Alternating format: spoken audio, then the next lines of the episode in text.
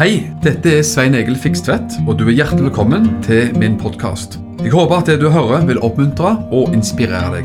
Ønsker du mer informasjon om arbeidet i drivet, så kan du gå til mission-alliance.org. Gud velsigne deg. Jeg skal lese fra skal vi ha også i dag, Siden jeg har prøvd å gjøre bot og bedring, så skal vi altså følge med på klokka. 1. Johannes brev, kapittel 5, vers 3-5. 1. Johannes brev, kapittel 5, vers 3-5 i Jesu navn. For dette er Guds kjærlighet, at vi holder Hans bud. Og Hans bud er ikke tunge å bære. ikke det herlig? Oppmuntrende. For alt som er født av Gud, seirer over verden. Og dette er den seier som har seiret over verden, vår tro. Hvem er den som seirer over verden, om ikke den som tror at Jesus er Guds sønn. Herlige vers er dette her. Vår tro, det som er født av Gud, seirer over verden. Og det som har seira over verden, er vår tro. Du har en tro, og du er en person som har seier over verden. ikke det trolig? Og du vet, Når du hører ordet 'verden', så, så hører man kanskje flere ting.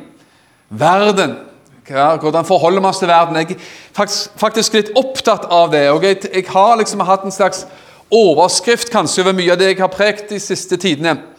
Det er hvordan vi som troende kan være utrusta til å leve Jesuslivet i, i denne verden. Leve Og da sier jeg et annerledes liv. Et, et, et liv som er litt motstrøms. Det er bare død fisk som reger med strømmen. vet du. Levende fisk. Det svømmer eh, mot strømmen. Og du er kalt å være en sånn sprell levende laks, gladlaks, som går mot strømmen. Men du vet at når vi snakker om verden, vår tro har seira over verden, så tenker man eh, Så omtaler Bibelen dette med verden på en positiv måte ofte. Gud har skapt alt. Det var såre godt, sa Gud ved skapelsen. For så høyt har Gud elsket verden. Johannes 3, 16. Gud elsker verden. Og deler av verden omtales som positivt i så måte. Se naturen. Når jeg kjørte fra Froland i dag over fjellet, så er det mye å glede seg over. Det er nydelig, og da kan man si at det sårer godt. Samtidig så vet vi at Bibelen også eh, omtaler verden, eller sider av verden, som negativt. Og Da sier jo 1. Eh, Johannes brev 2,15.: Elsk ikke verden, står det. Heller ikke de ting som er i verden. Hvis noen elsker verden, er Faderens kjærlighet ikke i ham. Det var da veldig. Johannes 3, 16 sier for så høyt har Gud elska verden. Og Her blir vi oppfordra til å ikke elske verden i all verden. Du skal få forklaringen her. og Man skjønner jo, man skjønner Bibelen så godt at man skjønner at Bibelen omtaler verden på forskjellig vis. Videre her i dette verset For alt som er i verden, kjødets lyst, øynenes lyst og stolthet over livets goder, er ikke av Faderen, men av verden. Og verden forgår, med, forgår, og det samme gjør verdens lyst. Men den som gjør Guds vilje, forblir til evig tid. Så her ser vi at eh, verden omtales på forskjellig vis. Og hvis man ser, og Jeg vet ikke hvordan du er, vi er temmelig like, vet du, men for min del så er jeg, jeg er glad i å se nyheter. Jeg er glad i å følge med på hva som skjer rundt omkring i verden. og Jeg liker å følge med på nyheter fra Israel og Midtøsten. og jeg liker å liksom sveipe over litt og følge med. Er det, er det bare jeg som er sånn, eller er det noen andre som vil bekjenne sin synd? Ja, det er ikke synd, tror jeg. Men hvis man ser ut i verden i dag, så ser man sikkert masse bra. Men man ser også, ting, man ser også mange rare og mørke skyer i horisonten. Nå har jo hele verden vært prega av dette siste året da, med covid-19. og Man ser at man ser lyspunkter av det, at vi går ut av det kanskje i Norge og i andre land, i England og Israel og andre steder. Og Mens vi hører nylig om India, hvor hardt ramma man er i India og andre steder, så tenker, ser man hvor skjørt livet er. Ikke bare for enkeltmennesker og for noen land og folk her og der, men faktisk globalt så rammes verden på, på utrolig vis. og på negativt vis. Ser man politisk på ting, så er det jo sånn at eh, Som jeg sa, jeg liker jo gjerne å følge med på Midtøsten-saker og ting. Så ser man jo det at eh, Israel har gjort fredsavtaler og fått et bedre forhold til enkelte arabiske land. Kjempepositivt. Og så vet vi jo det at Spenningen mellom Israel og Iran er stadig økende. Vi har stormakter som Kina som flekser muskler, militære muskler i sine farvann. Og vi har det som man eh, ser og følger med på når det gjelder Russland og for den saks skyld USA og hvor som helst andre steder. Det er noen mørke skyer å se hen til i horisonten.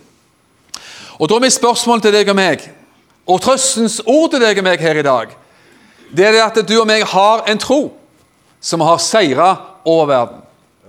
Halleluja. Jeg har vært i en god del land og, og, og, og møtt kristne fra andre himmelstrøk, og det beriker mitt liv kolossalt. Møte mennesker fra Kina, møte mennesker fra Nepal, India, andre steder. Mennesker som har betalt en høy pris for sin tro. Og Man skulle tro at disse menneskene er blant de mest nedtrykte og deprimerte menneskene som finnes. Men vanligvis er det motsatt. Det er mennesker som stråler trygghet, stråler, utstråler glede og en sånn en styrke fra sitt blikk. Hva er det de har? Hva er det de har oppdaget som kanskje vi av og til, som bor på et grønt hjørne i verden, kanskje ennå ikke har oppdaget, det er at man har en tro som har seira over verden. ikke det er fantastisk? At vi har en tro som har seira over verden. Når vi ser da ut over verden, blir man da redd? Blir man frustrert? Blir man maktesløs? Blir man deprimert?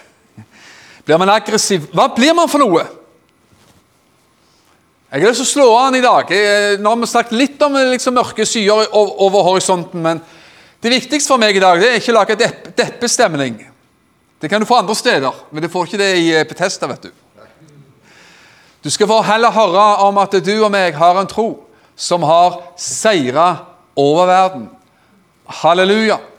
Jeg skal fortelle deg en, en person som jeg kjente, og kjenner for så vidt, som sa Og jeg har tatt det som en slags litt sånn kanskje litt morsomt, men ei dame som jeg snakket med for noen år siden, om alt som liksom skjedde i verden. Og hun, Denne dama her, hun er hjemme hos Gud nå, var frelst. Men hun så mye på TV og så mye på nyheter.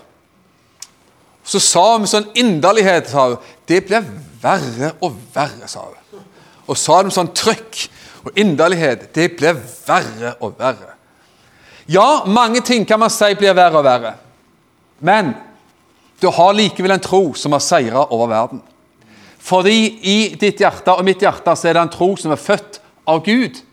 Og alt som er født av Gud, seirer over denne verden. Og Jeg er litt opptatt av de tingene der sånn, og skal gjerne stille tre spørsmål her. og Får se hvor langt vi kommer. Men hva slags syn har du og meg på denne verden? Hva slags syn og forhold har du til verden rundt omkring? Hvordan skal du og meg som troende vandre i denne verden? Jeg ønsker egentlig å, at i Guds menighet så skal det gå ut en utrustning til troende mennesker. Til hvordan man skal forholde seg, og til hvordan man skal vandre et troverdig, ikke et perfekt liv, for ingen har et perfekt liv. Man er ikke perfekt liksom, i sin liksom, karakter eller moral, for den saks skyld. Men man kan få lov til å vandre et troverdig Jesusliv i denne verden, som skaper også forskjell for mennesker i denne verden. Altså, Hva slags syn har du og meg på denne verden? Hvordan vandrer vi i denne verden med vår tro? Og hvordan får man til det å forandre denne verden? Skape endring i denne verden. Jeg tror det er kolossalt viktig å se på de tingene der. Det var noen som sa en gang, jeg vet ikke hvem som sa det, men jeg fikk det med meg ned på notater en gang i tida. Og det er, og det er i hvert fall en utfordring for oss. Og denne personen sa det sånn Problemet er ikke motstand utenfra, men at man dør innenfra. Og Det er i hvert fall utfordringen. Jeg håper ikke det er sånn med deg og meg at vi dør innenfra, men man må passe på at man ikke gjør det. Man, man passer på at i vår egne liv, og også i Guds menighet, ikke dør på innsiden og smuldrer opp på innsiden. For problemet for Guds menighet er ikke motstand utenfra, men eventuelt at man dør innenfra. Men det skal man sannelig passe på at man ikke gjør. Fordi man har en tro som har seira over denne verden. Vel, Det er så lett å si vet du, at man har en tro som er seier over denne verden. Det er bare å lese skriftstedet og si halleluja, prise Gud. og drikke kaffe og gå hjem og, bli, være fornøyd. Men jeg skal prøve også å svare på det. Hvordan kan det bli en opplevd virkelighet i våre liv? At vi har en tro som seirer over denne verden. Man har en tro som skaper forandring i denne verden. Har man det?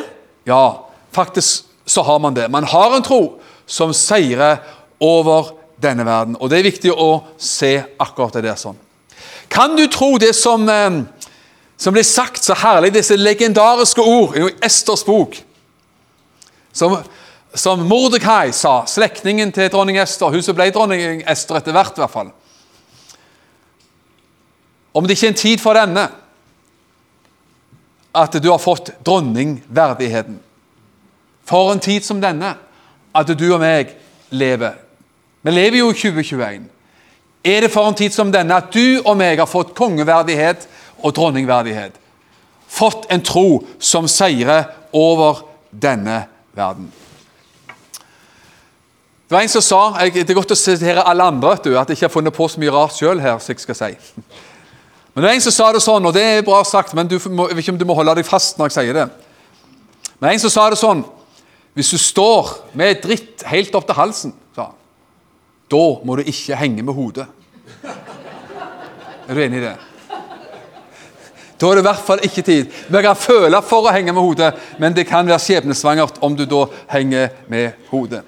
Og kanskje man har følt på det det siste året med tanke på altfor mye begrensning, altfor mye nedstenging og, og, og, frihetsberøvelse som man har liksom opplevd i livet. Eller ser på nyhetene og ser på omstendigheter, enten nære omstendigheter i eget liv eller familie, eller man ser rundt omkring seg i verden. Da er det uansett viktig at man ikke henger med hodet. Og Jesus hadde jo faktisk en, en, en, et svar på det, eller faktisk nesten sagt ordrett uh, uttrykk på det. Jesus snakket i Lukas 21 om de, eh, om de siste tider. og Alle av oss kjenner jo masse skriftsteder om de siste tider, hva som skal skje i de siste tider. Gode ting og utfordrende ting. Og Da sa Jesus i Lukas 21, vers 28, når Jesus oppsummerte en del ting, så sa han dette. Når dere ser alt dette skje, sa han, da løft, da se opp og løft deres hoder. Når alt dette skjer, ja, hvordan går det an? Når man ser alt som skjer, ser på nyhetene alt som skjer altså, Ja, det er mye som har skjedd de siste åra. Man kan se på politikk, eller man kan se på en ekstrem grad av liberalisering som skjer i den vestlige verden. I forhold til ekteskapsforståelse og kjønnsforståelse og alt mulig. Og så kan man se at eh, du verden, hvordan skal liksom alt ende til slutt? Jesus sa, når alt dette begynner å skje, se da opp, sa Jesus, og løft deres hoder. Du kan få lov til å løfte, leve med løfta hode. Du kan få lov til å leve med løfta hode fordi du har en tro som seirer over denne verden. Og Det er noe med vår, den identiteten som du og meg har i Kristus. Den posisjonen som du og meg har i Jesus, som man gjerne ikke preker nok om. For det står mer om det enn det man kanskje drar fram, faktisk. Og hvis man virkelig skjønner hvem man er i Kristus, hva man har i Kristus, hvor, uh, tros, uh, den, den, tro vi har som er født av Gud, og som seirer over verden, så vil man også se at man kan få lov til, midt i denne verden, å leve et annerledes liv. Og Jesus snakker, og Bibelen snakker igjen og igjen om å leve ut fra en, egentlig en høy posisjon. Altså ikke synke ned i omstendighetenes gjørmehull, men få lov til å leve over omstendighetene. Du vet, Tro er ikke å fornekte omstendighetene. Er du enig i det? Det hjelper lite. Tro er ikke å fornekte omstendighetene sånn som de er. Men kan vi kanskje være enige om at tro er å ikke la omstendighetene råde over våre liv? At vi klarer å leve over også når omstendighetene er vanskelige. Ha et høyere blikk selv når omstendighetene er vanskelige. Det står det. Eh, vi tar bare noen eh, for å spare litt tid, da, vi ikke leser for mange vers om gangen. Efeserne 2, 6 sier Han oppreiste oss sammen med ham og satte oss sammen med ham i den himmelske verden i Kristus. Det er bare litt av den lange, herlige tiraden til Paulus i Efeserne uh, om, om, forsoningen, om frelsen osv. Og, og uh, utvelgelsen osv. Men han sier vi er oppreist med ham, og han satte oss sammen med ham i den himmelske verden i Kristus Jesus. Så hvor er det du befinner deg nå, da? Du er jo her i dag, da, på Heddal, eh, Betesta. Ja, det vet man. Men i, i posisjon, i, i, din frelste posisjon, så er du også der oppe. Du sitter med ham, opp, du har blitt oppreist med ham i himmelen. Er det ikke nydelig å møte mennesker som lever et oppreist liv? Og Jeg får sånn respekt for mennesker som man kjenner. Eh, kanskje du er her som kjenner deg igjen i det, eller men, du kjenner noen. Mennesker som har, gjerne har blitt hardt prøvd i livet sitt. Gjerne på langt mer dramatisk vis enn det som jeg noen gang har blitt. Og Da får jeg alltid liksom en respekt og en ydmykhet over meg når man møter sånne mennesker. Og hvordan sånne mennesker likevel har klart å komme gjennom livet. Klart å sette den ene foten foran den andre og gå videre i livet. Eh, ta oppgjør eller komme ut av eh, de vanskelige spørsmålene man opplevde i livet når vanskelige ting skjedde. Kom ut av gjerne skuffelse, bitterhet, hardhet osv. Man opplevde at man tross forferdelige omstendigheter og kanskje forferdelige ting som skjedde, så opplevde man likevel det å være over. Man hadde en tro, og har en tro, som seirer over denne verden. Du og meg er satt over. Salme 91, 14. Fordi han holder seg til meg. Det er en herlig salme, vet du, salme 91. Fordi han holder seg til meg, skal jeg utfri ham. Jeg skal sette ham på et høyt sted, i trygghet. Tenk på det. Jeg skal sette ham høyt opp i trygghet, for han kjenner mitt navn. Det er noe med det at Gud setter oss, og har satt oss, over. Du og jeg kan få lov til å leve et liv som er over, selv om omstendighetene og livets prøvelser kan være røffe. Hvorfor er det så viktig? Jo, for det er ikke sikkert at alle ting framover blir bare lett. Det er ikke sikkert at alle mennesker her i Norge har fått sin eh, vaksinasjon, at det, da er alt tilbake til det det en gang var. Vi håper det, vet du. Men man vet jo ikke. Og Jeg står ikke her og prøver å profetere noe annet. Men jeg sier, jeg sier egentlig det som Jesus gjorde. Og jeg er fascinert av hva Jesus sa.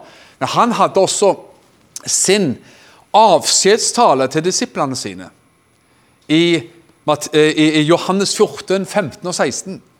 Det var liksom Jesu lange tale før han eh, gikk til korset, og siden da gikk til himmelen også. Vi er jo midt i det, disse høytidene. Påsken har vi hatt, og snart er det Kristi himmelfartsdag om ikke lenge, så kommer pinsen. og vi, lever midt i liksom den, den høytidssesongen nå. Og når Jesus står før han gikk til korset, så hadde Jesus noe han ville si til sine disipler som var så maktpåliggende for han å si. Og Derfor har jeg lyst til å oppmuntre deg til å igjen og igjen og igjen lese Johannes 14, 15 og 16 i hvert fall, og kanskje 17 også, for den saks skyld. For det er noe av det siste Jesus ville si til disiplene sine. Og hva var det da Jesus ville si? Jo, han sa bl.a.: 'Jeg drar snart', sa han. Jeg drar. Men eh, fortvil ikke. For jeg, eh, det, det, er til det beste at jeg drar, for Den hellige ånd kommer ned. Så snakket Jesus masse da om talsmannen som skulle forherlige Jesus, som skulle minne oss om det Jesus hadde sagt, og ha en massevis av ting å si om Den hellige ånds funksjon. Sant? Og så snakker Jesus videre i, også i Johannes 15 om vintreet og grenene.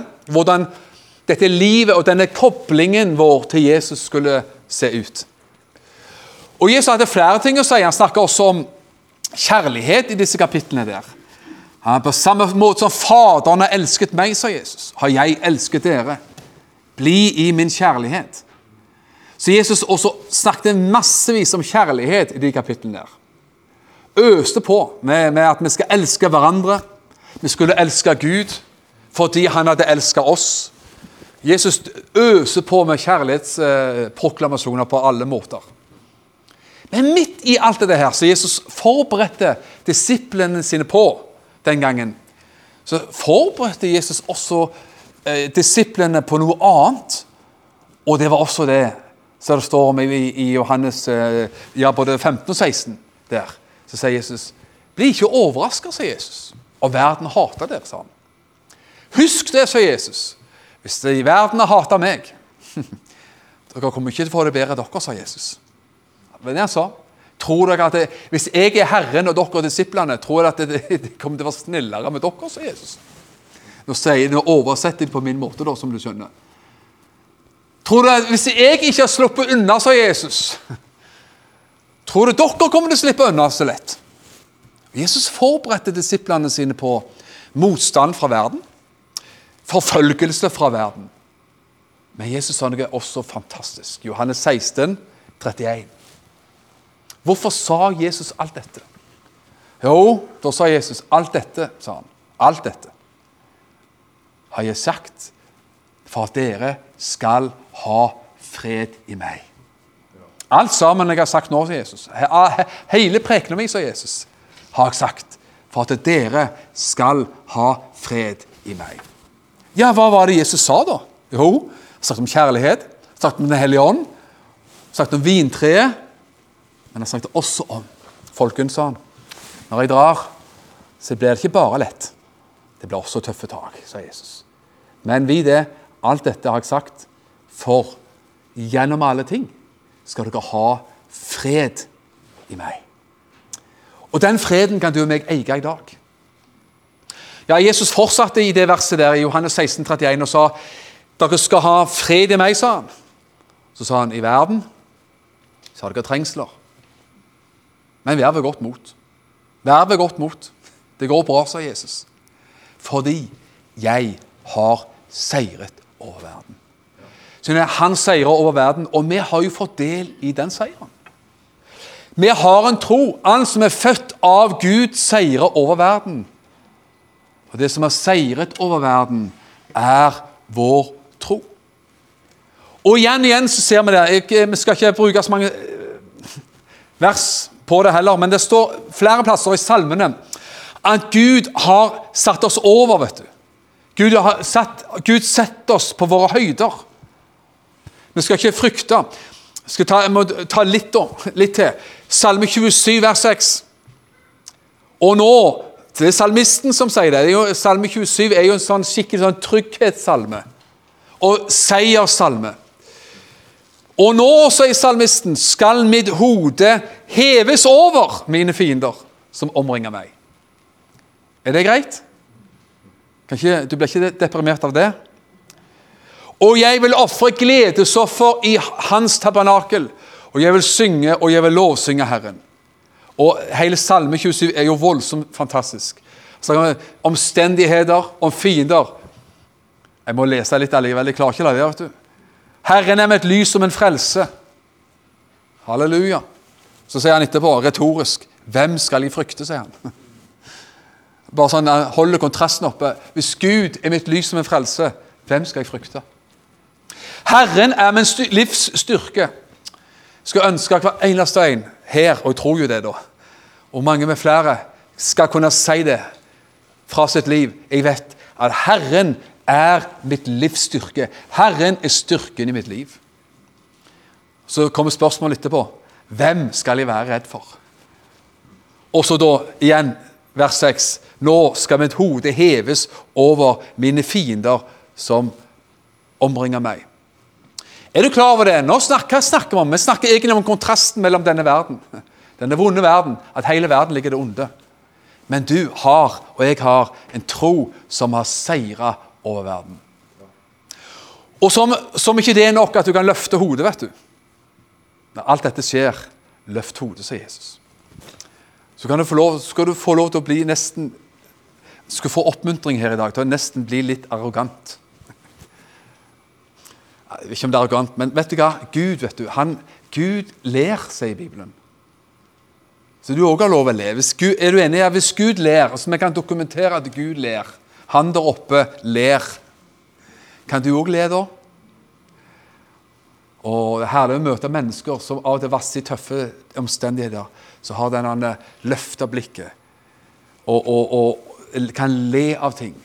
Ikke at man bare overfladisk og liksom, eh, at det ikke går inn over en, men man har en tro.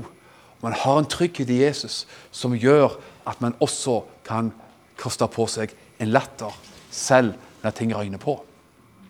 Salme 2, vers 1-4. Det er jo herlige, herlige vers. vet du. Hvorfor raser folkeslagene, og hvorfor planlegger folkene det som er nytteløst? Det er jo også en av de salmene som er henta inn og brukt inn i eh, Apostelens gjerninger. Jordens konger stiller seg opp, og fyrstene rådslår med hverandre mot Herren og mot Hans salvede. Og de sier Det, det er nesten så du kan tenke det verset når du leser, ser nyheter av og til. Jordens konger, eller presidenter, de stiller seg sammen og rådslår med hverandre mot Herren og mot Hans salvede. Gjett om de har gjort det på enkelte topp, toppmøter. Og de sier La oss rive deres bånd i stykker og kaste deres rep av oss. La oss vedta la oss som kommunistkongress i Kina vedta at vi ikke vil ha Gud. La oss kaste dette kristelige, bibelske åket av oss. La oss få det vekk. Det er hva Bibelen sier. Han som troner i himlene, ler, sier Bibelen. Han ler. Herren spotter dem, sier Bibelen. Gud ler. Og da har jeg lyst til å si til deg og meg, vet du Men vi ler litt mer.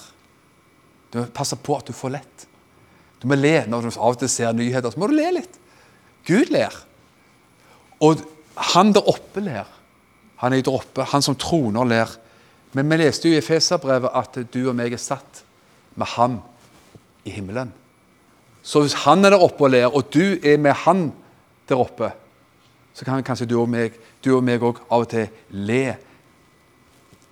Det står om den fagre kvinne og gode kone i, i, i eh, ordspråkene. Hun ler mot de kommende tider. Hun ler mot de kommende tider. Kjære venner, jeg har så lyst til å så et slag for det at vårt liv skal annerledes i denne verden. Jeg spør meg ofte det spørsmålet hvordan skal livet til den nytestamentlige troende se ut i verden? Jesaja 60, kjente vers. Jesaja 60, vers 1-4. Stå opp, bli lys, for ditt lys kommer. Herrens herlighet stiger opp over deg. Jeg tror på det. Jeg tror at mørket kommer til å bli mørkere. Men jeg tror lyset kommer til å bli lysere. Og sitter av og til Hvis du går til en sånn urmag, ikke ur, ja, urmager, men gullsmed, folk som selger eh, edle metaller Så tar de gjerne en gullring eller noe pent, og så legger de ofte på en mørk bakgrunn. Mørk, sånn mørke puter. Fine velurputer. Svart bakgrunn. Da lyser det så fint. vet du. Da er kontrasten så perfekt og fin. Da ser det fint ut. Du er sånn. Guds menighet er sånn. På en, med en mørk bakgrunn så vil Guds menighet og Guds herlighet bare stråle enda sterkere. Herrens herlighet stiger oppover deg. For se, sier, eh, sier profeten her, for se mørket dekker jorden, og dypt mørke er over folkene. Det, det er ikke mange av oss som protesterer på det. Men Herren stiger opp over deg. Hans herlighet åpenbares over deg. Over hvem? Ja, De som har en tro som seirer over verden. De som i Bibelen kalles for lysets barn. Jesus sa, 'Dere er verdens lys'. Han som sa det. Han som, er, han som vi kaller for verdens lys. Og som er verdens lys. Han sier til oss at dere er verdens lys, sa han i, uh, i bergprekenen. Her står det så mye om både lys og mørke. Dypt mørke dekker, dekker folkeslagene osv. Så sånn. Mørke dekker jorden, og dypt mørke over folkene. Men Herren stiger opp over oss. Og så står det at hedningfolkene skal komme til ditt lys. Lyset er tent opp i ditt og mitt liv. Han har latt lyset skinne i våre hjerter. Jeg tror på en strålende framtid for Guds menighet. Vi skal se forandrede menneskeliv. Er det noe jeg elsker å høre om, være med på og lengter det hele tida, det er å se forandrede menneskeliv. Ikke det det fins ikke noe mer fantastisk enn å møte mennesker eller høre mennesker som har fått sitt liv forandra av Guds herlighet og av Guds kjærlighet. Og Det er derfor vi finnes. Derfor finnes Betesta, Heddal og alle andre kristne menigheter. Folkeslagene skal komme til ditt lys, og konger til glansen som er steget opp over deg. Løft dine øyne og se deg omkring. De samler seg alle sammen. De kommer til deg. Dine, øyne skal, dine sønner skal komme langt borte fra, og dine døtre skal bli båret på armen, står der. Det er fantastisk om dette må få lov til å være annerledes folket. La meg få lov til å oppmuntre deg her, og jeg ser tiden løper. Jeg lovte å oppføre meg fint med klokka. Jeg har lyst til bare å oppmuntre deg så sterkt. Vær, våg å være annerledes folket. Jeg tror at eh, kristne, hvis, man, hvis kristne slår inn på den veien at man vil bli mer og mer lik samfunnet rundt omkring Mer lik verden. Hvorfor skal verden komme inn og bli forandra i Guds menighet hvis Guds menighet for lengst er i denne verdens favn og klør? Du er annerledesfolket. Du er annerledesfolket. Over deg har Herrens herlighet steget opp.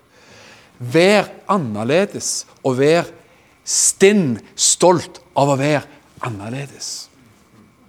Dere er jordens salt, sa Jesus.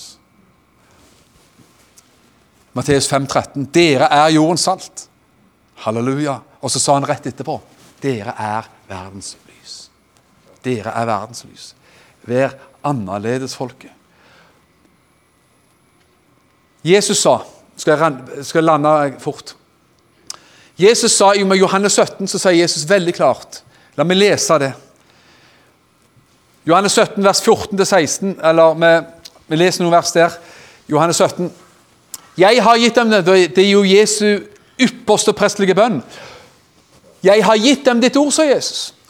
Og verden, har du igjen verden, har hatet dem. Beklager, folkens. Jeg har ikke noen bedre nyheter enn det. Det er i hvert fall én dårlig nyhet du fikk der. Men du skal ha masse gode nyheter også. Verden har hatet dem fordi de ikke er av verden. Slik jeg ikke er av verden. Jesus var ikke av verden, han var fra himmelen. Men han var i verden, han var her. Så sier Jesus på samme måte er det med deg og meg. Du kommer fra et annet sted, skjønner du.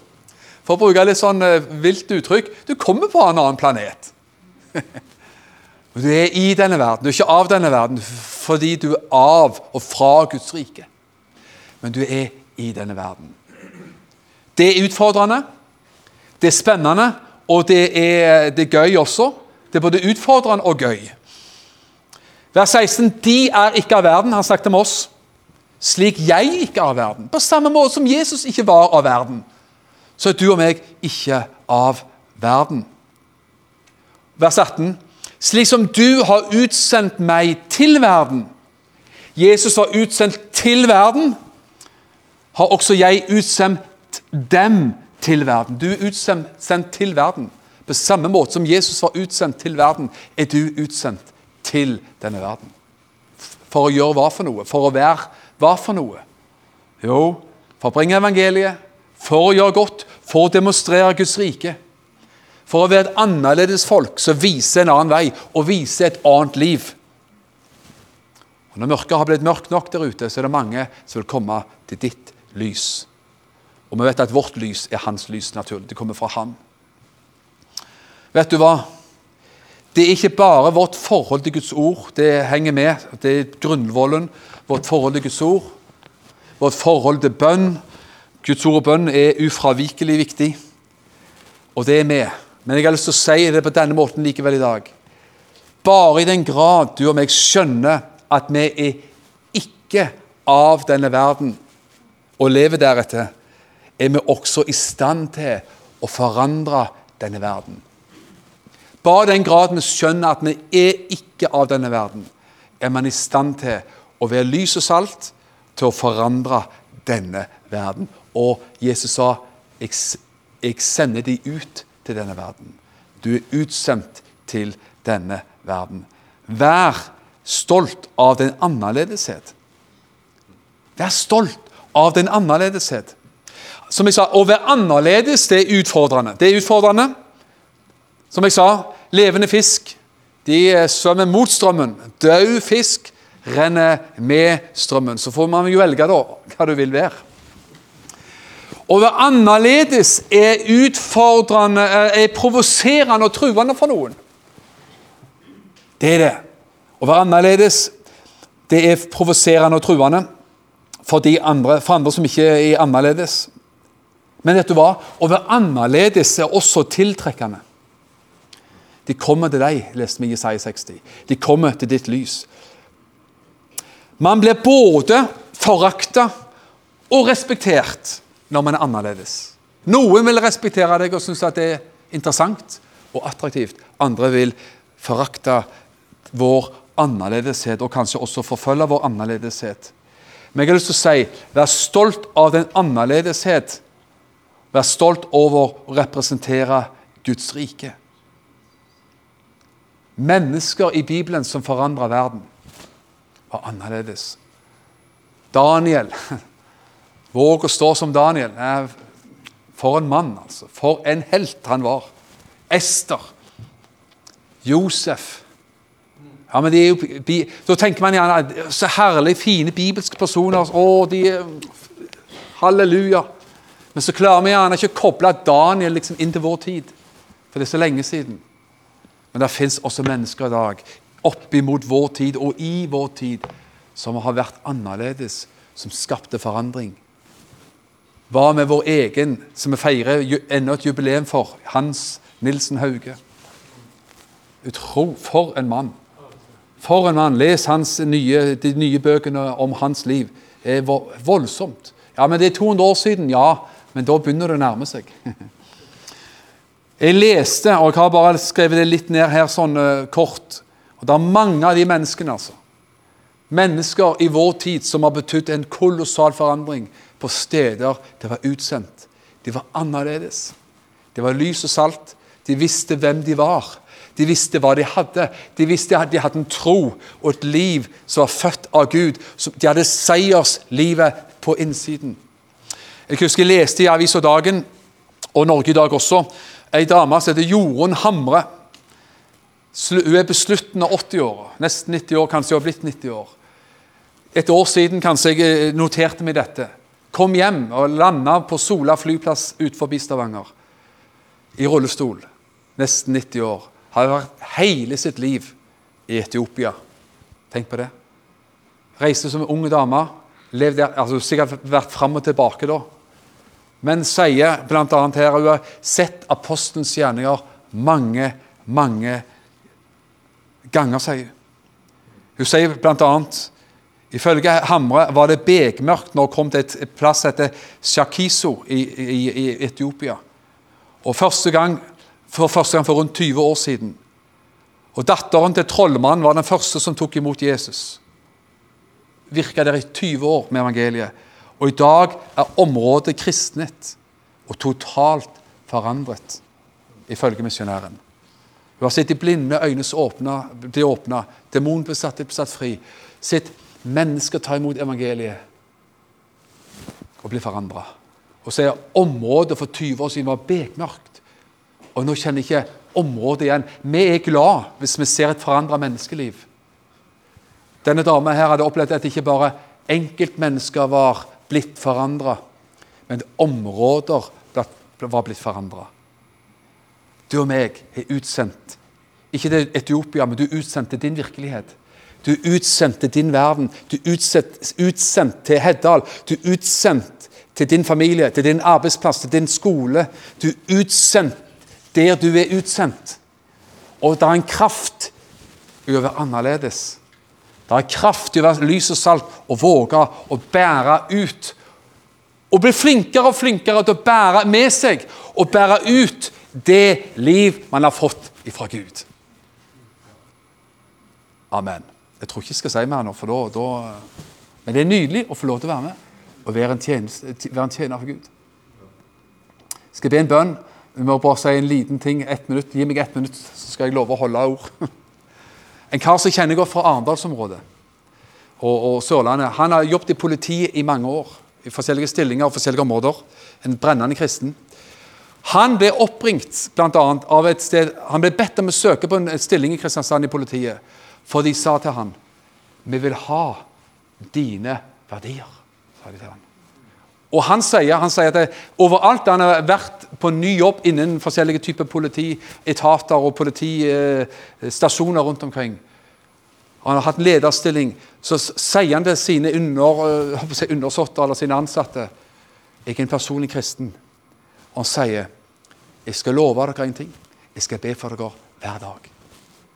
Og hvis dere trenger personlig prat og forbønn, så er kontoret mitt der, sier han. Ikke fantastisk? Og Han fortalte en herlig historie også i det å være en Jesu disippel i hverdagen. Dette var en annen person, for han karen her sitter nok på kontor. og sånt. Men han fortalte om en annen kristen politimann, og det var i Kristiansand. Som, som, eh, som var frelst, og som måtte pågripe en kar som kjørte i rusa tilstand. Det må du gjøre. Da må politiet gjøre jobben sin. Og måtte ordne opp i det og sikkert ta han i håndjern eller gjøre noe. Men så kjente han så sterkt, denne kristne politimannen. Han kjente på det. Hvorfor tar du ikke ber for han også? Be for han. Han gjorde det. ikke det herlig, da? Vi har jo fått mye, mange politifilmer nå vet du, fra USA. Nyhetene av forskjellige slag. Men denne her norske politimannen som var kristen, han kjente på det at han skulle gjøre noe mer enn å pågripe en person. Han ville be for han. Han ba for han, og denne rusa personen ble nykter umiddelbart og er frelst i dag. Slike politimenn vil gamle Norge ha. Halleluja. Du og meg kan være en bærer av Guds rike, av en tro som overvinner verden. Være lys og salt og bære med oss og være en evangelist i hverdagen. Det er ikke bare en, en sjelden evangelister. Her er alle evangelister. Du går ut i, på mandag morgen i morgen og en evangelist. Du er en pastor, du er en profet. Du er alle sammen! Denne menigheten har en haug, titalls, av evangelister hver dag. Titalls av misjonærer hver dag. Fantastisk. Far i himmelen, vi ber at vi skal få lov til å være sånne mennesker som midt i det at ting av og til vi ser blir mørkere, blir verre, kan bli kanskje i det, i det menneskelige blir mørkt og depressivt, Herre.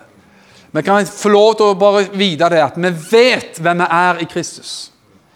Vi vet hva vi har i Kristus. Vi vet hva slags trosliv av lys og salt som finnes i oss, Herre. Og bare ber om ny, nytt mot og ny tro, ny pågåenhet, Herre, i våre liv til å bære dette livet ut. Da kjenner det at vi ikke er under, men er over, Herre. Vi løfter vårt blikk, Herre. Vi bærer håp og tro, kjærlighet, respekt, liv og kraft. Og framfor alt selve evangeliet, Herre, ut til mennesker, Herre. Det ber vi om i Jesu Kristi navn. Og jeg vil bare si, Herre, takk også for området her, Heddal. Takk for de menigheter som finnes her i området. Herre, la det være enhet mellom menighetene, Herre. La det være enhet innad i menighetene. Det ber jeg om i Herren Jesu Kristi dyrebare navn. Jeg har lyst til å be om også, Herre, for menigheten og for alle av oss. At vi trenger, Herre, å forsone oss med mennesker, Herre. Trenger man å komme dit hen at man går til noen og gjør en forsoning? Forsone oss og forlike oss med mennesker man har følt en avstand fra eller hatt et vanskelig forhold til, Herre. Så jeg ber jeg at det må være tilfellet her i våre liv. Innad i menigheten, Herre innad i familien, hvor som helst, Herre. At vi lever der, at vi vil være vare i våre hjerter til å leve i fred og forsoning med mennesker. I Jesu Kristi dyrebare navn, Herre. Takk for nåden din, Herre. Amen. Takk for at du har lytta til denne podkasten. Jeg ønsker deg en velsigna god dag.